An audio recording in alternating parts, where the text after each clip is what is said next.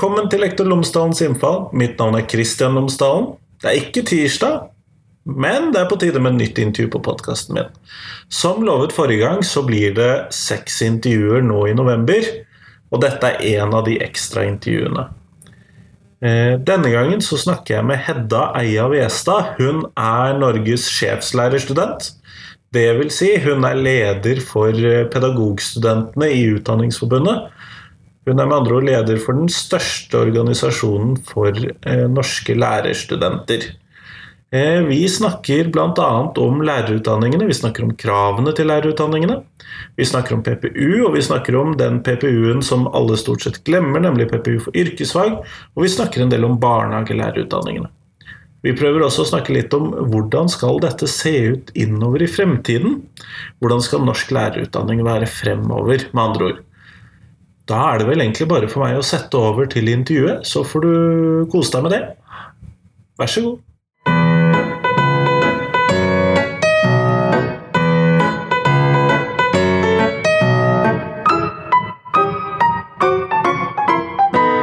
Tusen takk, Hedda, for at du har kommet for å prate med meg her i dag. Takk for at jeg får komme. Eh, før vi starter, så ville det kanskje være lurt hvis du fortalte tre ting om deg selv, i tilfelle lytterne mine ikke har hørt om deg før. Ja, Da begynner jeg med å si at jeg er leder av Pedagogstudenten i Utdanningsforbundet.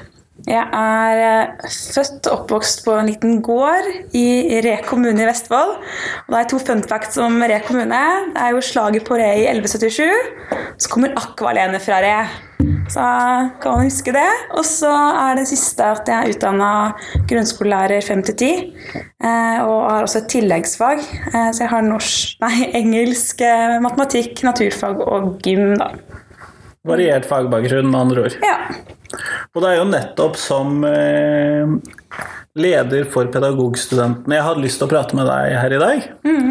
Eh, og det første spørsmålet mitt går rett og slett på dette her med PPU, og det går på dagens lærerutdanninger. Og hvordan opplever eh, pedagogstudentene at disse utdanningene er i dag?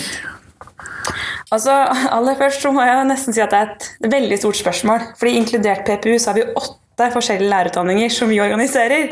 Og de åtte er jo ikke bare helt like. De er ganske skal, skal vi begynne med GLU, da, kanskje? Kan sikkert begynne med GLU. Um, og GLU er da grunnskolelærerutdanningen for de som ikke tar seg gongen ja, litt samme språk eh, blir det fort.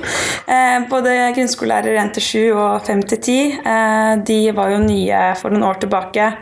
Uh, og så ble det jo også fra i år femårig master, som du og sikkert mange av lytterne vet. så det har jo vært ganske stort stort fokus på GLU nå en god stund eh, politisk. Og det har også vært mye endringer som har måttet til internt. Så det har fått utrolig mye oppmerksomhet, eh, som på mange måter har vært bra. Men jeg vil komme litt tilbake til at det nok har litt, eh, gått litt på bekostning av andre av lærerutdanningene etter en viss grad. Men eh, for det første er vi veldig spente på hvordan det nå blir med integrert master på GLU. Vi vet jo at det er veldig gode erfaringer fra f.eks. Eh, Tromsø, som har hatt det en god stund og vært på en måte en pilot for det. Så det er mye bra knytta opp mot uh, den integrerte masteren, og studentene som har gått der, er i stor grad veldig fornøyde. Eh, som studentleder så får du ofte høre det som ikke er bra, da. For vi skal jo liksom fikse alt. Eh, og vi skal jo jobbe for at ting skal bli bedre hele veien. Så vi snakker jo veldig mye om kvalitetsheving, eller at det skal bli enda bedre kvalitet i studiene. Eh, og i det så legger vi at studiene skal være motiverende og krevende. Vi vil at det skal være en enda bedre sammenheng mellom praksis og teori enn det det er i dag. Og det ser vi også på GLU. Det som skjer i klasserommet på skolen eh, når du er i praksis. Hvordan det henger sammen med det du opplever på institusjonen du går på, om det er et universitet eller høyskole. Henger dette sammen? det føles ikke alltid sånn for studentene. Det må jeg jo si. Det, det, er for lite samhandling mellom de som er lærerutdannere i praksis, og de som er lærerutdannere på høyskole og universitet. Jeg tror f.eks. at mange av de som er praksislærere, ikke kanskje ser på seg sjøl som lærerutdannere i så stor grad. Og det er jo en utfordring å få det til å bli litt eh, mer eh, samla, på en måte. Få litt mer sammenheng. Så det var litt om GLU. da, Jeg kunne jo sagt mye mer, men uh, tenkte jeg litt på barnehagelærerutdanninga. Ja, for den hører også inn under her, ja. Den hører også inn under her. Vi er veldig opptatt av at uh, barnehagelærere er også lærere. Og en del av den lærerprofesjonen vi, uh, vi, står for og jobber for. Og det ser jeg også at mange som går barnehagelærer og er nylig blitt barnehagelærer, er ganske flinke på å fronte den identiteten der si, også. jeg liker den tittelen bedre enn gamle. Den sier noe om helheten av hva du er. Lærer i barnehagen. Eh, Men den utdanninga har jo også vært under, under stor endring. Eh, Og det har studentene merka i at det var jo ikke så mye midler som kom når den endringa kom. Så de ansatte på den utdanninga har jobba rimelig iherdig for å klare å komme inn i det nye løpet som da er barnehagelærer, og ikke førskolelærer som det var før. da. For det er jo en helt annen organisering av fag, eh, inn emner og en ja, helt sånn ny utdanning, rett og slett. Så studentene de merker en del at eh, det har vært eh, utfordringer med å tenke eh, mer sånn emnevis eh, enn fag. Ja, sånn, ja. skjønner. Så det, det har vært en utfordring. Jeg, ikke, skal jeg, ta, jeg kan ikke gå gjennom hele rekka, men jeg kan jo stort sett si at PPU er vel kanskje da den siste jeg vil ha med der, i så fall. Ja. PPU er jo de studentene som for oss kanskje er vanskeligst å få tak i som, som medlemmer. Det er jo noe vi er selvfølgelig interessert i, å få medlemmer som gjør at vi blir større og har mer å si. Men um, PPU er jo da ettårig eller toårig hvis du tar det på deltid. Så det er jo en ganske kort, kort tid og, og for oss å fange de opp på. Men vi ser også at det er en kort tid for mange å få identitet som lærer. For da har du gått um, ulike fag. Eh, tatt en utdanning hvor eh, noen kanskje hele tiden har tenkt at det er lærer jeg skal bli, mens mange har mer havna i det studiet av ulike grunner. Og så skal du plutselig bli lærer. Og det er jo mer enn bare å gå et studie, ta eksamen, ut i jobb. Det er jo en sånn dannelsesprosess for oss studenter òg. Så det er nok den største utfordringa med PPU. Og igjen dette med praksis og teori og hvordan det henger sammen. Sånn at det blir meningsfylt og du kommer ut i jobb og føler at du har den ballasten du skal skal ha fra studiet. Da. Der tror jeg vi skal komme litt tilbake til, for det, der har jeg noen tanker. Ja, det tror jeg på. Det henger jo så sammen, dette her. Ja, det gjør det. Men hvis vi vender tilbake til disse GLU-lærerutdanningene, altså til grunnskolelærerutdanningen, eh, så ser man jo det på masterøkningen, så skal jo det primært sett gå på fag. Men har du noen tanker hvorvidt denne masteren gjør de til bedre lærere? Det er et veldig vanskelig spørsmål før vi også ser hvordan det blir, og hvordan, eh, hvordan eh, selve den planen som ligger til grunn nå, hvordan den eh, kommer ut i Praksis. praksis, rett og slett. Men vi tror at ved å gå master, ha fem år med enda mer, f.eks. 1-7, enda mer fokus på begynneropplæring, man får fordypa seg enda mer faglig, man eh, får en kompetanse som er på et litt høyere nivå enn man har hatt til nå, så tror vi at eh, man vil bli mer i stand til å utvikle seg og ha mer den livslange læringa også som, som læreren. Eh, Så vi tror at det vil være bra for den enkelte student, den enkelte lærer, og ikke minst bra for skoleutviklinga.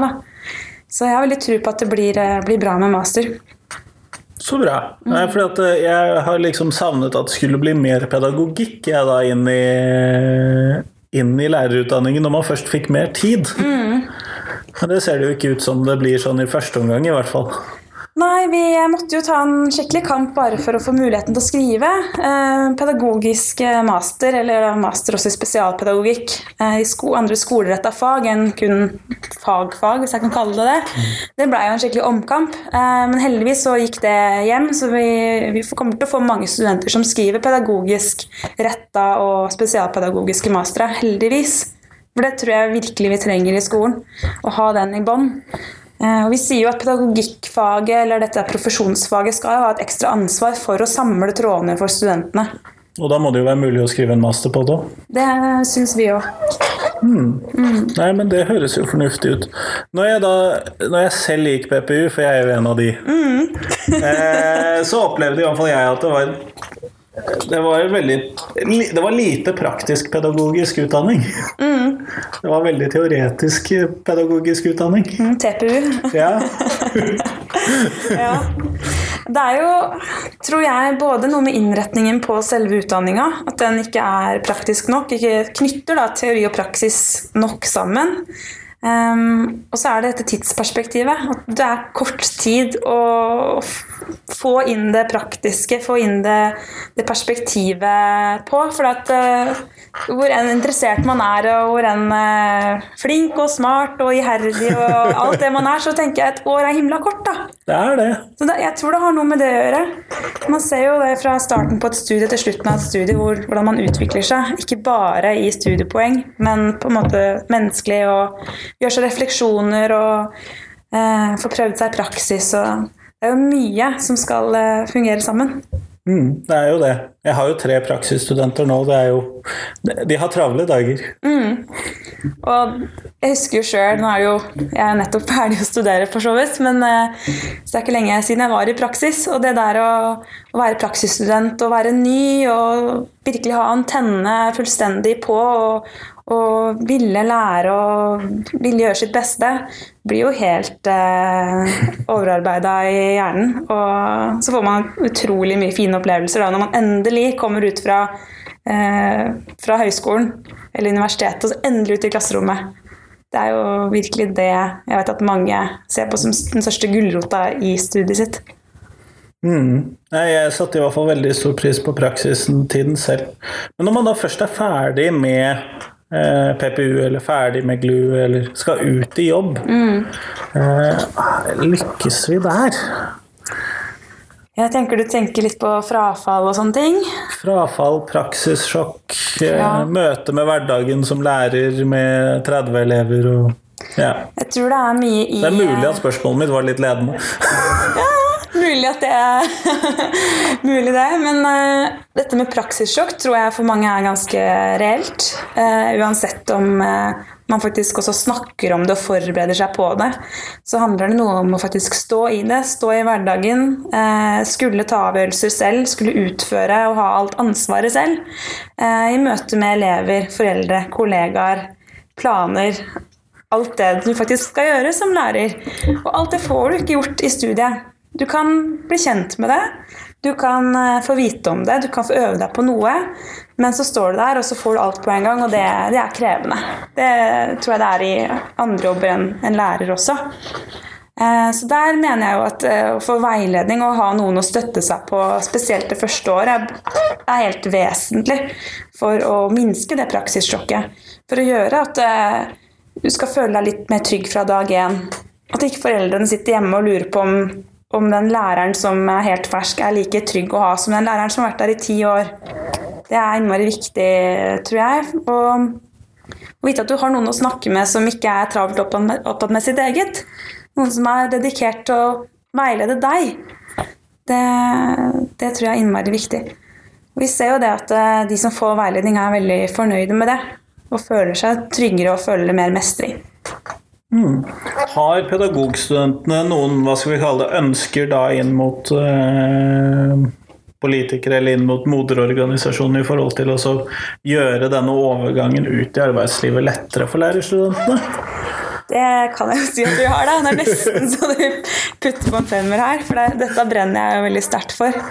Um, vi ser jo, for å ta det først, at eh, det er en utfordring i at eh, de som er etablert i jobb, har også en krevende hverdag. Og å sette av tid, at de da kan veilede nyutdanna, det er vesentlig. Um, og så ser vi at um, det må noen litt klarere rammer til. Men heldigvis da, så har jo Stortinget gått inn for at det skal det bli. Så sitter en arbeidsgruppe med Kunnskapsdepartementet nå som skal jobbe med disse rammene, sånn at alle nyutdanna skal omfattes av en veiledningsordning. Men jeg tror at for at dette skal lykkes, så må vi ha noe mer virkemidler enn bare en ny avtale. Det har vært en avtale der i ganske mange år allerede, nesten ti år. Og fortsatt så er det bare litt over halvparten som får veiledning. Og av de så er det litt uh, rundt halvparten som har veiledning annenhver måned eller sjeldnere.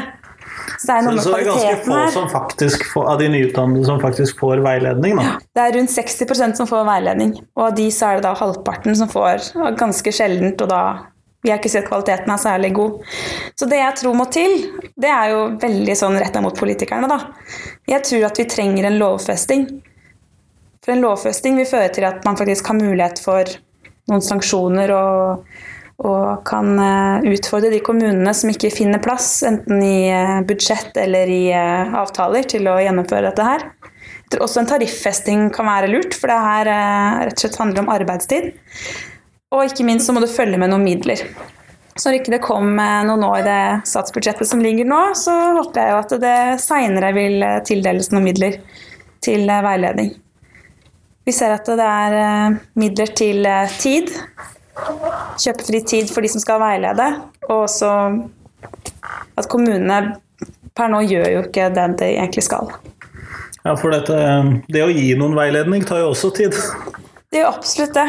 Eh, men det som er fint, da, at jeg tror at for de som er veiledere, og forhåpentligvis også tar en veilederutdanning, eh, både for å bruke den på nyutdanna lærere, men også for å bruke den til praksisstudenter, tror jeg at det er veldig givende for den enkelte sjøl eh, og utviklende som lærer. Og at man kan bruke det til å utvikle det profesjonsfellesskapet på skolen. Så det er ikke en sånn isolert tanke om at eh, den enkelte studenten som nå endelig har blitt ferdig med studiet, skal ha det så bra.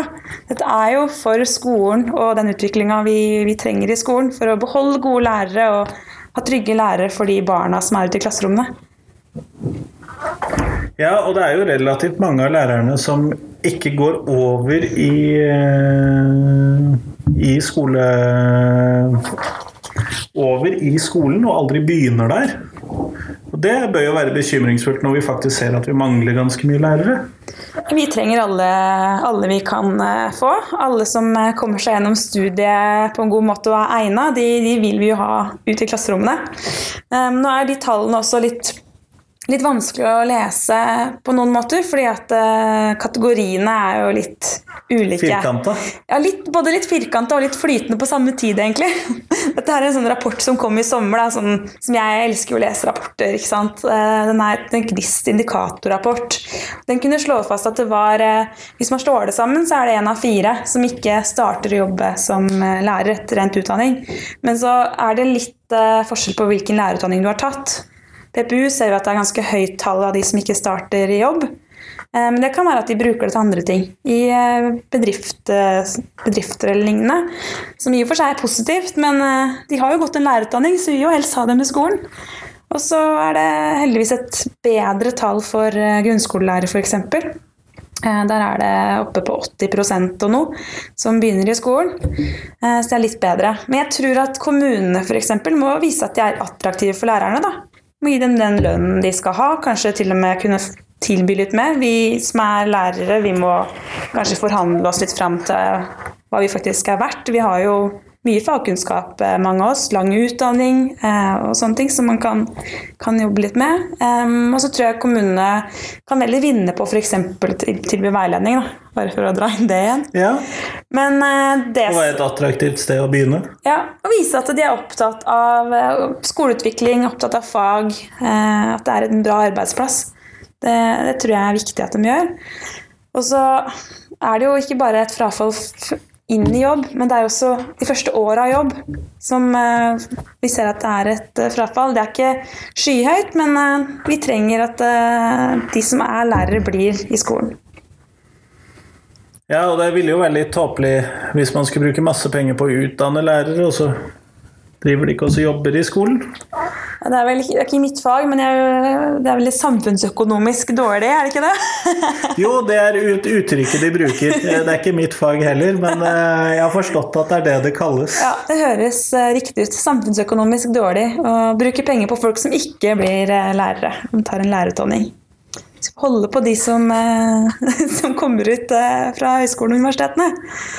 Men hva savner dere i pedagogstudentene inn i norsk lærerutdanning, eller kanskje ut av norsk lærerutdanning? Man må jo være åpen for begge deler, tenker jeg. Ja, både inn og ut. Det er jo litt tilbake til det med kvaliteten i utdanninga. At du både som student møter forelesere som veit eh, noe om det å være lærer. Vi tenker at eh, når man har en tilhørighet til det yrket man utdanner til, da har du litt mer peiling på hva som rører seg i, i klasserommet eller i barnehagen. Eh, så jeg tror tilhørighet til profesjonen eller til eh, barnehagen og skolen er viktig. Så jeg vil helst ha en overvekt av lærerutdannere som har kjennskap til det. Eh, enten at de har jobba der sjøl eller gjennom hospitering.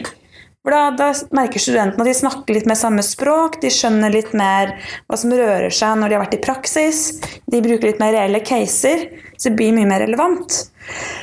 Og så tror jeg at eh, vi må jobbe en del med å ha god undervisning. Eh, både for at det er mer spennende der og da for studentene, og vi faktisk lærer bedre. Men også fordi at det blir en slags øvelse og en rollemodell for det vi skal ut og gjøre senere. Man får prøvd seg på, på ulike vis. Der er jo f.eks. det at det blir mer og mer digitalt. Noe som jeg ser at lærerutdanninga henger i stor grad ikke så godt med der. Naturlig nok, for det er jo kunnskap som også må inn hos de underviserne. Eh, så det her er en sånn eh, prosess hvor også lærerutdanninga nå må virkelig komme på banen. Sånn at vi som går ut derfra, også har den eh, kompetansen i større grad. Så tror jeg den, det meningsfylte med at det man lærer, oppleves som, som relevant for skolen, er viktig. Um, men det er også en prosess hos studentene. da. Når du er førsteårsstudent og lærer ganske mye om teoretikere i pedagogikk, så kan det hende at det føles litt irrelevant der og da. Det kan være ganske hardt. men så går det noen måneder, eller kanskje år for noen, og så plutselig så sitter du og tenker at søren, det jeg gjorde med den eleven i stad, eller det jeg plana med det undervisningsopplegget, det var jo Vygotsky og proksimal utviklingssone, jo. Og så bruker du det faktisk, og da gir det mening. Så jeg tror ikke vi Jeg kjemper jo veldig på studentenes meninger og, og rettigheter og alt det der, og det, det, er virkelig viktig, men jeg tror også at man skal holde på noen av de de verdiene med å ha en utdanning som er et utviklingsløp. da. Men ikke må alltid være sånn som bare endrer seg der vinden blåser. Det tror jeg er viktig. Nei, og det kan man jo ikke. Eh, samtidig Jeg går jo med en sånn Apropos dette her med at eh, de som da utdanner De lærerutdannerne har, Pra, har praksiserfaring. Mm. Jeg skulle jo ønske at i hvert fjerde år så var disse lærerutdannerne ute i skolen og jobbet ett år, og så var de tilbake da Mm. neste periode, og så ut da hvert fjerde år igjen. Mm. Det hørtes håpløst ut å få til i praksis, men Man har litt sånne store hårete mål, da. Og så tror jeg man skal jo være Jeg tenker man skal ha litt eh, respekt og kanskje litt creds til mange av lærerutdannerne også. For når de jobber i den utdanninga, eh, jobber med barnehagelærerutdanning, jobber med grunnskolelærerutdanning, jobber på lektorstudiet, så har du en veldig interesse for utdanning og skole og barnehage, tror jeg. Eh, og den forskninga veldig mange gjør, FoU-arbeid eller eh, enda sånn store doktorgradsavhandlinger og lignende, det dreier seg jo ofte om praksisfeltet. Så det er jo ikke sånn at jeg tror folk er helt, helt avkobla her. Eh, men det å faktisk være der ute, ikke ha på seg forskerbrillene heller, men bare være, eller være en lærer, eller skulle gjøre noe annet enn å notere ned et eller annet observasjonsnotat. Det tror jeg er kjempeviktig at de gjør. Eh. Gjerne hvert fjerde år. Men du har helt rett. Det er viktig å anerkjenne det forskningsarbeidet de gjør ute i skolen. Det er jeg helt enig i. Eh, men jeg tror at praksissjokket øker ved at de så sjelden er ute i praksisfeltet som lærere. Da. Mm.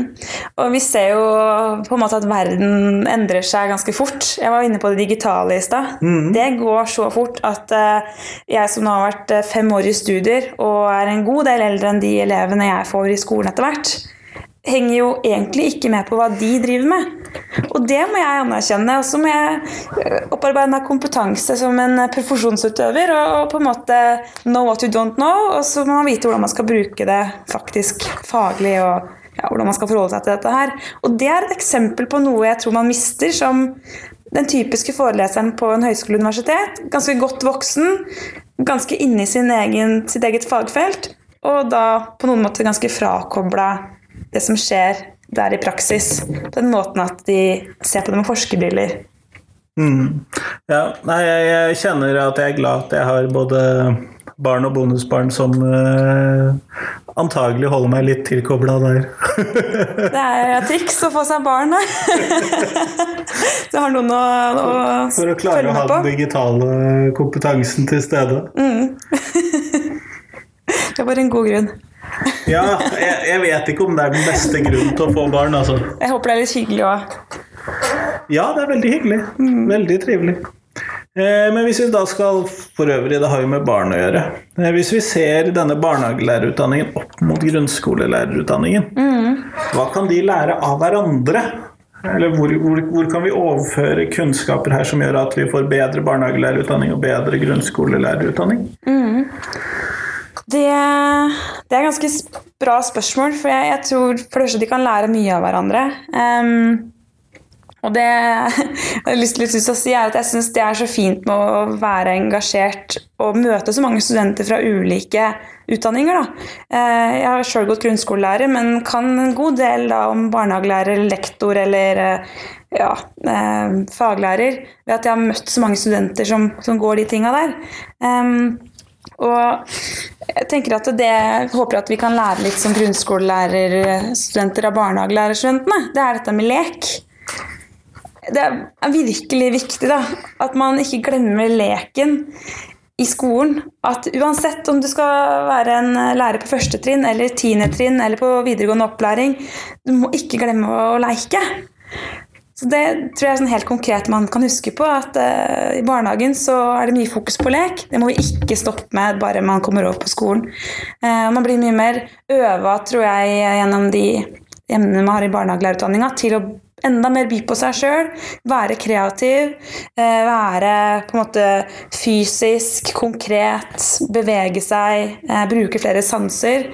Det, det tror jeg vi må bruke mer inn i skolen også. Eh, og så tror jeg at det er fint at flere barnehagelærere tar master. For det begynner å bli flere gode mastere som, som, handler om det som skjer i barnehagen nå. Eh, det handler jo litt om at grunnskolelærerne har vært der litt lenger. Eh, jeg tror det kan bringe mye bra inn i, inn i barnehagen hvis en del tar det. Foreløpig er det ikke noe mål at alle skal ta det, men eh, det er fint at det kommer enda mer kompetanse inn i barnehagen, så man kan lære mer om sitt eget yrke, og også de små barna f.eks., som det er litt lite kunnskap om. Så vil jeg egentlig si, når man først er inne på det, at det begynner jo i barnehagen. Eh, det var jo litt sånn i valgkampen nå at alt begynner i skolen. Nei, nei, nei. Det begynner faktisk i barnehagen. Selv om eh, barnehagen ikke eh, skal være skole, og selv om barnehagelærere ikke skal være lærere på samme måte som en, en skolelærer, så er det der virkelig det begynner med et utdanningsløp, og med læring og med samhandling og alt dette her. Um, og hvor ville jeg med det her? jeg hadde noe på tunga. Eh, jo, og det jeg ville si, var at eh, det er så viktig at eh, barnehagelærerutdanninga blir mer og mer anerkjent. Eh, og jeg syns det er synd at f.eks. ikke den får eh, rett og slett penger, cash money, sånn som, eh, sånn som grunnskolelærerutdanninga gjør. For det sier noe om hvordan den er anerkjent. Det er like dyrt å ha praksis i barnehagen som det er i skolen, hvis ikke enda, enda dyrere, for de har mindre grupper ofte. Eh, sånn at det må følge med litt mer midler der, sånn at den kan bli på linje med grunnskolelærerutdanninga statusmessig òg. Vi, vi, skal jobbe sammen for å få barna på en god måte gjennom barnehagen, skolen og på en måte inn i livet. Da, da trenger vi å bli anerkjent på lik linje. Jeg likte at du nå trakk fram økonomien i det hele. fordi at uh, I opptakstidspunktet, selv om jeg er nå litt usikker på publiseringstidspunktet, så er det i opptakstidspunktet i hvert fall rett etter at statsbudsjettet er lagt fram. Ja. Uh, fulgte det med noe penger? Korte svaret er nei. det gjorde ikke det. Um, vi har en regjering som uh, fortsetter som det ser ut som, uh, satser mye på kunnskap og utdanning. Og det er veldig bra. Og de snakker også mye om tidlig innsats. Det er veldig bra, men eh, tidlig innsats det begynner faktisk i barnehagen. Og barnehagen blir faktisk bedre hvis du har en bedre barnehagelærerutdanning. Så det er rett og slett så enkelt i, i mine øyne at her må det også komme penger. For den utdanningen den er underfinansiert. Og siden dette tidspunktet også er som det blir sendt også er eh, litt etter i dag, så kan jeg si at det har kommet en ny rapport som blir sluppet i morgen, som sier nettopp det. At en følgeforskning nå over fire år sier at det er nettopp mangel på penger som gjør at det er litt varierende kvalitet på barnehagelærere rundt om i landet. For det er rett og slett ikke penger nok til å gjøre alt det man, man ønsker for å få det best mulig. Det er morsomt med tidsreiser i podkastverdenen. Folk får bare se for seg sånn Å ja, det var da, ja. Ja, jeg husker det. ja. Mm. Men eh, denne, sånn apropos denne regjeringen, eh, har jo da satt en del eh, krav til lærerutdanningen. Bl.a. dette berømmelige eh, firerkravet i Skal vi se, var det matematikk? Ja, det var det, ja. Ja, eh, Hva tenker pedagogstudentene rundt dette? Nå kjenner jeg at jeg liksom nesten sitter urolig på stolen bare at du nevner det. For dette, dette tenker vi mye om. Um, dette med at matematikk blir så utheva, det, det syns jeg er ganske synd. Matematikk er kjempeviktig. Matematikk er dannelsesfag, og matematikk er Det er kjempebra at vi har, gode lærere i matematikk, at elevene våre eh, fatter matematikk, blir gode i matematikk og blir glad i matematikk. Så ingen tvil om det. Jeg er jo matematikklærer sjøl. Men det at det faget blir så utheva som nøkkelen til på en måte å mestre, nøkkelen til å bli god, det syns jeg blir for snevert. Så den firerkravet som foreligger da, Eh, at du skal være god nok til å komme inn på lærerutdanninga bare hvis du har fire i matematikk fra videregående, det er jo litt spesielt. Er det det som skal måle hvor god lærer du blir? Fordi at du, det skal faktisk også gå fem år gjennom en utdanning som har krav gjennom hele utdanningen til progresjon. Ja, for Du må jo bestå matematikken der òg. Du må bestå matematikken, og veldig mange som også nå blir hindra av det matematikkravet, de skal eh, ikke bli matematikklærer engang. Så det at de da blir hindra fra å bli f.eks. en knallgod norsklærer, fransklærer, kroppsøvingslærer, samfunnsfaglærer, altså andre vel så viktige fag, det syns jeg er innmari synd. Når vi da mangler kvalifiserte lærere i skolen, både nå, men i hvert fall framover. Vi vet at spesielt på de små trinna, hvor det nå satses, hvor det nå settes inn ekstra ressurser, i framtida har vi ikke nok utdanna lærere til å dekke det opp er det da tida for å sette det kravet, som er et dårlig mål på inntak. Jeg tror jo at vi må sette mer på hele mennesket. For de matematiske kunnskapene er viktige, men det er én del av å være menneske. Når du skal være lærer, skal du både utdanne hele menneskene i skolen, og jeg tenker at da må du være et helt menneske, og i hvert fall så må lærerstaben være litt mer mangfoldig enn som så. Så det virkelig brenner jeg sterkt for, og at det, det kan bli fjerna. Eh, jeg tenker heller at man da må være nøye på å sette krav gjennom utdanninga, sånn at man skal eh, ha den kompetansen som trengs når man kommer ut. Enkelt og greit. For meg så er det så tydelig, da. Sånn at du vil heller flytte da den type spesifikke krav? For du har jo selvfølgelig inntakssnittet på lærerutdanningen, vil du mm. jo selvfølgelig alltid ha. Mm. Uansett, med mindre man sier ok, vi finansierer alle som har lyst til å bli lærere. Mm. Kanskje ikke en god idé, men uh, man kunne teoretisk sett ha gjort det. Ja. Sånn at du vil jo ha inntakssnittet, vil du jo selvfølgelig ha. Mm. Uh, men du vil da flytte den type sånn uh, abstrakte krav ja, altså Inn i selve utdanningen i stedet? Jeg tenker at det er viktigere å sette krav i utdanninga. Som sagt, eh, det er en dannelsesprosess hvor du fra du starter til du slutter, går gjennom en ganske stor prosess i eh, hvordan du egentlig forstår verden, vil jeg nesten si. Du skal bli en lærer, du skal kunne mer enn bare det helt faglige. Du skal rett og slett gjennom en prosess som eh, ikke har, eh, som kan gå bra selv om ikke du har fire i matematikk, da, er det jeg prøver å si.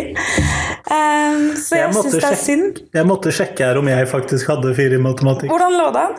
Uh, jeg hadde faktisk fire i matematikk. Det tror jeg ikke var min skyld, egentlig. Ja, jeg òg, men uh, det var så vidt. men jeg tror også at uh, hadde vi vært i en posisjon som, som Finland, da, som man veldig ofte ser til, og jeg var der også et par helger tilbake. Fikk snakka med finske lærerstudenter. Der er det jo et vanvittig press på inntak. Altså Det er så mange som vil bli lærere i forhold til hvor mange plasser det er. Men i forhold til da mengden også vi tar inn her i Norge, så er det ganske få de tar inn i Finland. 800 studenter i året på det som tilsvarer omtrent grunnskolelærerutdanning. Er ikke det færre enn det Høgskolen på Vestlandet har? jo, jeg tror vi tar inn et sted rundt 7000, liksom jeg husker liksom fritt fra huet, av samme type utdanning. Så det er jo også noe der. Men uh, der kan man velge å vrake, for å si det rett ut. Men hvis vi hadde begrenset norsk lærerutdanning til 800 plasser fra 7000, ja. så aner det meg jo at karaktersnittet hadde gått opp, da. Det hadde jo garantert gjort det. Og så lurer jeg jo på da, hvordan klassestørrelsen hadde blitt etter hvert. Og hvordan pedagogikken og mulighetsrommet for ulike tilnærminger til læring hadde blitt. Så Det er jo også en ting. Finland har jo eh, også veldig, eh, en veldig fin kurve når det gjelder spesialundervisning, som også har vært mye snakk om her til lands. At den går jo faktisk veldig ned ettersom åra går, mens hos oss så går den jo motsatt vei. Da. Ja, fordi at vi har spesialundervisningen i 10. klasse, 9. klasse, mens de har den i første, andre og tredje. Ja. Så dette med tidlig innsats som regjeringen fronter, er jo veldig gode intensjoner og mye bra der. Eh, så er det jo et par ting vi alltid vil pirke på, da, men eh, intensjonen og satsingen er utrolig bra. Vi må satse tidlig og fange opp eh, elevene bedre og sørge for at alle har det bedre på skolen. Ja, det må jo være målet vårt. Jeg tenker jo at det er f.eks. kommet et nytt, begrep nå som heter livsmestring som, som, blir inn i skolen, og som allerede er i barnehagen. Eh, vi må passe oss litt for at ikke det skal bli å mestre så mye å vinne og være best, eh, som også gjelder når det kommer til livet. Eh, det å ha det bra eh, med seg sjøl og være et helt menneske og, og ja eh, Det er det viktigste, at barna har det bra, tenker jeg. Og så er det kjempefint også hvis man selvfølgelig lærer og, og gjør det bra. Men ikke på bekostning av å ha det bra med seg selv, altså. Eh, det tenker jeg du sier er viktig, men dette livsmestringsfaget, hvis det nå blir et fag, eller om det blir puttet inn som deler av andre fag, for det mm. fremstår for meg som noe usikkert fremdeles, hvordan de løser det. Ja, nei, det ligger vel an til at det skal være litt sånn i alle fag, da. Um, det og bærekraftig utvikling og demokrati og medborgerskap. Og så får vi jo se hvordan det faktisk skjer. Jeg håper jo det blir bra, eh, og da tenker jeg at det arbeidet som skjer nå i utarbeidelsen, er sinnssykt viktig for å få det til. For frykten min er jo at det smøres så tynt ut at det blir helt gjennomsiktig, og at ingen får et ansvar for, eh, for å gjennomføre det. Jeg skrev selv bacheloroppgave som knytta seg mot teknologi og design. Eh, et litt mindre tverrfaglig emne, men vel så usynlig for mange. Så ser at tverrfaglighet, eh, hvis ikke det gjennomføres skikkelig, det, det, er ikke bra. Men har lærerne kompetanse til å fylle dette livsmestringsfaget? Er det til stede i lærerutdanningen? Ja, er det det man kanskje man får med fire i matte? Eller var det sånn det var? ja, det, ja, jeg tror det er det. Det var en sammenheng her, ja. Nei, jeg tror jo at vi har en jobb å gjøre i lærerutdanningene, kan du si. Eh, lærerutdanningen skal ikke være en kopi av læreplanen i skolen. Det må det aldri bli. Vi skal være mer både robust enn det, og vi skal ha kunnskap som strekker seg lenger enn det. Minimum dekke de temaene. Men nå må vi jo på en måte få en prosess her hvor, eh, hvor man får den kompetansen på hva er livsmestring. Og, og det er jo også fremdeles litt, litt usikkert. Hva er livsmestring? Hva skal man faktisk undervise i det? Alle mulige um, folk og organisasjoner overalt har jo sine synspunkter. Det ser man jo hvis man går inn og leser høringssvar. Alle vil ha alt inn i skolen. Ingen vil ta det ut. Er du økonom, så vil du ha eh, budsjett og regnskap. Eh, er du opptatt av um, ja, seksualitetsundervisning, da, så er det det som er det viktigste. Er du kjørelærer, så er det faktisk det å kunne ferdes trygt i trafikken som er livsmestring. Det er et veldig vidt spenn av hva folk oppfatter som viktig. Eh, og jeg tror at det blir en prosess bare å finne ut av det. Og også hvordan det da skal plasseres i fag. Livsmestring i kroppsøving og livsmestring i norsk er på en måte ganske ulikt. Hvis jeg nå kunne få eller vil si, eh, Siden jeg nå har muligheten til å ignorere sånne tanker rundt timetall og sånn i skolen, eh, for det er jo heldigvis ikke mitt bord, eh, så jeg ville jo likt å ha livsmestring som et faktisk eget fag. Og så kunne vi trekke ut disse antimobbingsdelene og seksualitetsundervisningen og psykisk helse og privatøkonomi ut fra fag hvor de egentlig ikke hører hjemme. For det er jo plassert litt sånn random rundt i dag. Mm. Og så kunne vi samlet disse tingene ned i livsmestringsfaget. Mm. Eh, men eh, det er jo da 10 000 andre som du sier, som vil ha andre ting inn i faget også.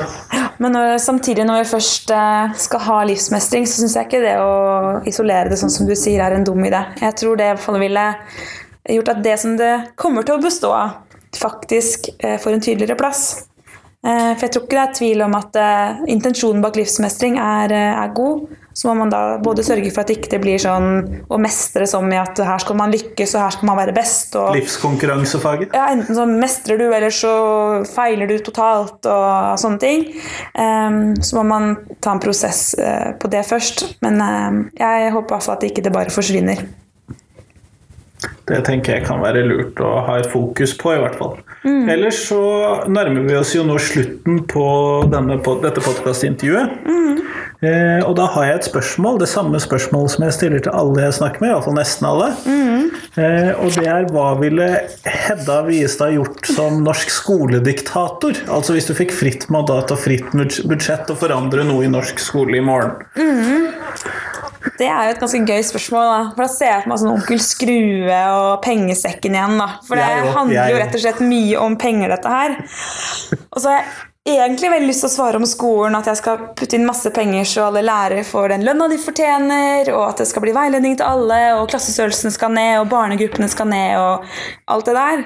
Men siden jeg jobber mest med lærerutdanning, så tenkte jeg liksom det endelige svaret skulle være om lærerutdanning få en mye bedre finansiering av alle utdanningene. Eh, nå ligger de i en relativt lav kategori, dette blir jo litt teknisk, så få bedre finansiering. Så stykkprisen per plass er ganske lav? Ja, så jeg tror at det ville vært en nøkkel for å fått eh, både eh, mindre grupper der det er nødvendig, fått enda mer kompetanse på det digitale og den profesjonsfaglige digitale kompetansen som vi veldig trenger. At praksis blir, blir bra for alle, og at utdanningen fortsetter å være gratis for alle. Vi vet at f.eks. studieturer og sånn, det er for mange vanskelig å få til fordi det ikke kan bli finansiert. Så bare åpne pengesekken, så løser alle verdens problemer seg. Nei da, men det hadde hjulpet på meg. Så skulle jeg fått den rollen eh, som onkel Skrue, og det trivdes godt. Det tror jeg på. Tusen takk for at du kom for å prate med meg i dag. Tusen takk for at jeg fikk komme.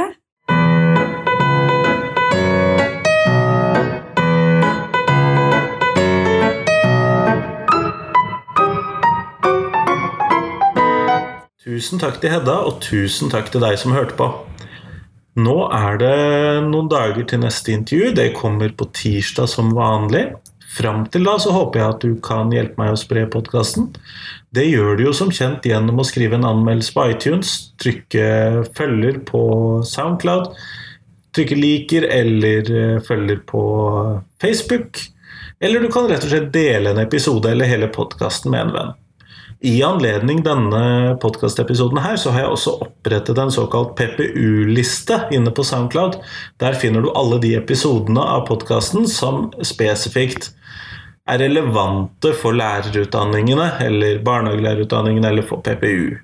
Så det er altså en egen spilleliste som er litt fokusert på nettopp temaet skole og norsk skole. Hvordan skal den praktiseres fremover. Men fram til neste gang så får du ha det bra. Hei, hei.